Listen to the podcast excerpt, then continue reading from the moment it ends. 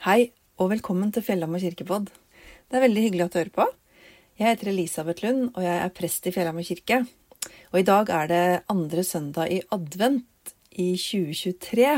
Og jeg skal lese um, for deg den prekenteksten som vi brukte i kirken i dag.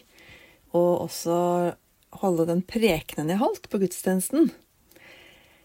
Det er jo andre søndag i advent, og da kommer kanskje mange i kirken med en forventning om eh, julestemning og kos og hygge. Og så er det, Vi har hatt veldig mye hyggelig i kirken i dag. Vi har tent adventslys, og vi har både sett og hørt barnekoret synge julesanger for oss og andre sanger. Men så kommer vi til bibeltekstene, og de er kanskje ikke like koselige på andre søndag i advent. Det er kanskje ikke julestemning du sitter igjen med etter at du har hørt den teksten jeg skal lese nå. Den står i Lukasevangeliet i kapittel 21. Da skal de se menneskesønnen komme i skyen med stor makt og herlighet. Men når dette begynner å skje, da rett dere opp og løft hodet, for da skal dere snart bli satt fri. Han fortalte dem en lignelse. Se på fikentreet og alle andre trær. Når dere ser at de springer ut, vet dere av dere selv at nå er sommeren nær. Slik skal også dere vite, når dere ser dette skje, at Guds rike er nær. Sannelig, jeg sier dere, denne slekten skal ikke forgå før alt dette skjer. Himmel og jord skal få gå, men mine ord skal aldri få gå. Vær på vakt, og la ikke hjertet bli sløvet av rangel og drikk og dagliglivets bekymringer, så den dagen plutselig kommer over dere som en snare. For den dagen skal komme over alle som bor over hele jorden. Våk hver tid og stund og be om å få kraft til å komme velberget fra alt det som skal hende, og bli stående for menneskesønnen. Slik lyder det hellige evangelium. De bibeltekstene som vi bruker i adventstida i kirka, kanskje utenom fjerde søndag i advent, er nok litt ute av synk med resten av samfunnet. Men så har også advent endra seg veldig mye med årene.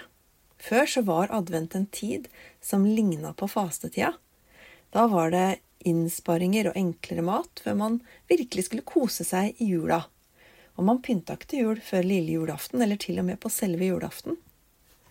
Og selv om vi nå også ha mye julestemning i kirka i adventstida, så er advent også en tid for å ransake seg selv og rydde vei for Herren, for å si det på en kanskje litt gammeldags måte. Det er en tid med fokus på å gi Gud større plass i livene våre. Advent kan være en øvelse i å vente. Vente på det gode som skal komme. Selv om det er kjempekoselig med litt julesanger og julemat også i adventstiden, det syns i hvert fall jeg, så syns jeg det er noe fint med å også holde litt på dette med at det er en ventetid. Kall meg gjerne gammeldags. Advent er også en tid for å se litt utenfor oss selv og våre egne behov.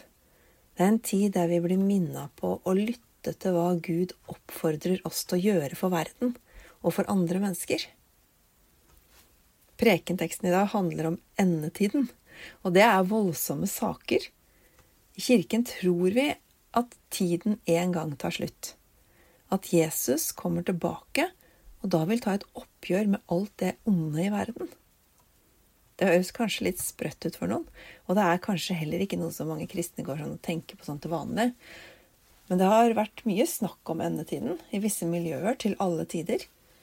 Mange har ment at de også har regna ut når dette vil skje, og selvfølgelig har de tatt feil. Men på den tida Jesus levde på jorda, og da Bibelen ble skrevet, så var det et veldig aktuelt tema. De første kristne de levde med en sterk endetidsforventning. Og Derfor er det flere apokalyptiske tekster i Bibelen. Paulus, som har skrevet mange brev i Det nye testamentet, han var sikker på at Jesus ville komme tilbake mens han levde. Det trodde nok også Lukas, som har skrevet den teksten vi hørte i dag. Og sånn gikk det jo ikke. Og det er ingen som vet når det skal skje. Det vi hører i prekenteksten, det sa Jesus like før han skulle dø. Han visste at disiplene kom til å få det tøft, og han ville forberede dem og gi dem håp. Og for de første leserne av bibeltekstene så var det antagelig også godt å høre om endetiden.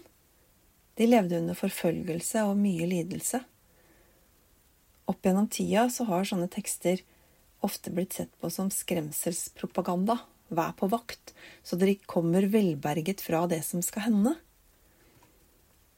Men jeg tror de mest er ment som tekster som skal gi trøst og håp til de som virkelig merker ondskapen på kroppen. En gang skal dette ta slutt. En dag vil rettferdigheten seire. Som vi hørte i prekenteksten, når dette begynner å skje, da rett dere opp og løft hodet, for da skal dere snart bli satt fri. Men vær også på vakt, så ikke du er en av de som lar ondskapen få større plass i verden. Det ligger under at det er en kamp mellom godt og ondt i verden, og at vi alle bærer begge deler inni oss. Vi trenger ikke å gå 2000 år tilbake i tid for å vite at det er mye ondskap i verden. I år kan vi lese at jula er avlyst i Betlehem, i byen der Jesus ble født.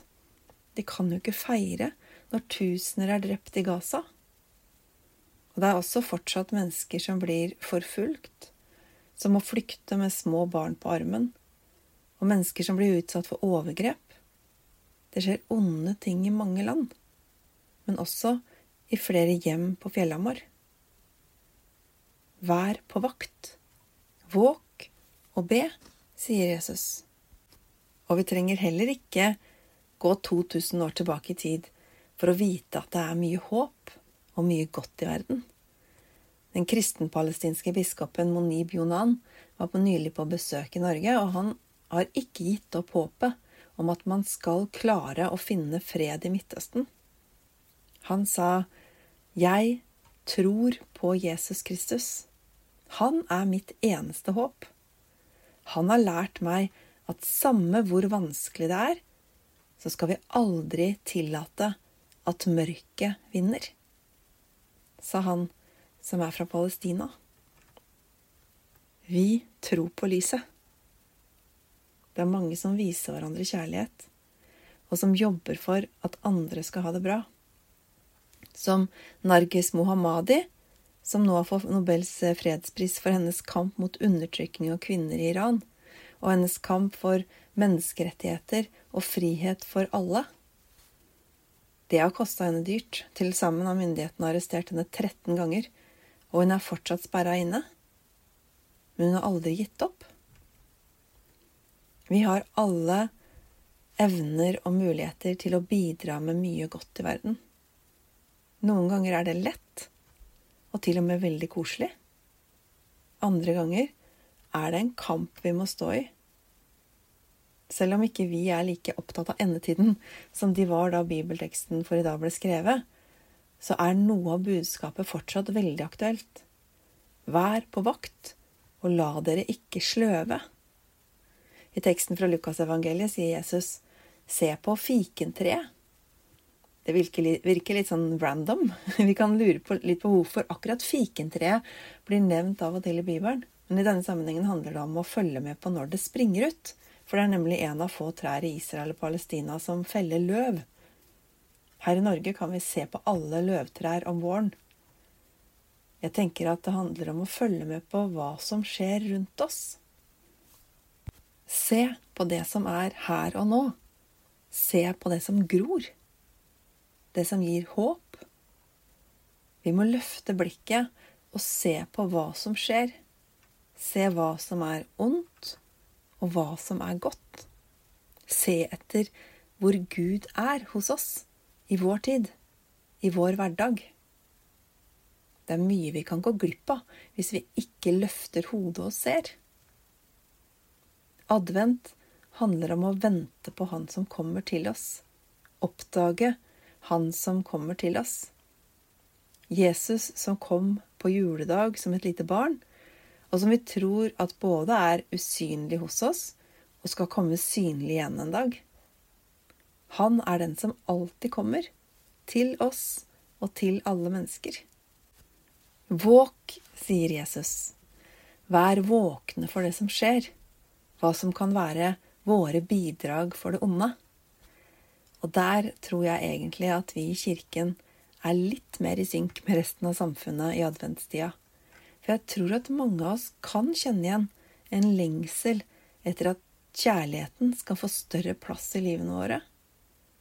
Og at den lengselen rører mer på seg nå i tida fram mot jul. Jeg tror mange av oss ønsker å bidra til en bedre verden. Noen må være de svakes bror. Noen må kjempe for andres rett. Kanskje det er meg? Kanskje det er deg? Kanskje det er vi?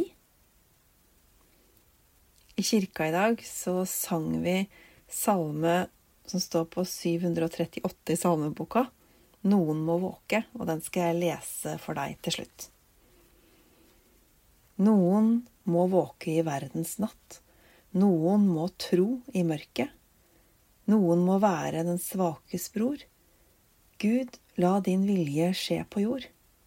Hjelp oss å følge ditt bud. Noen må bære en annens nød. Noen må vise mildhet. Noen må kjempe for andres rett. Gud, la ditt rikes tegn bli sett. Hjelp oss å følge ditt bud.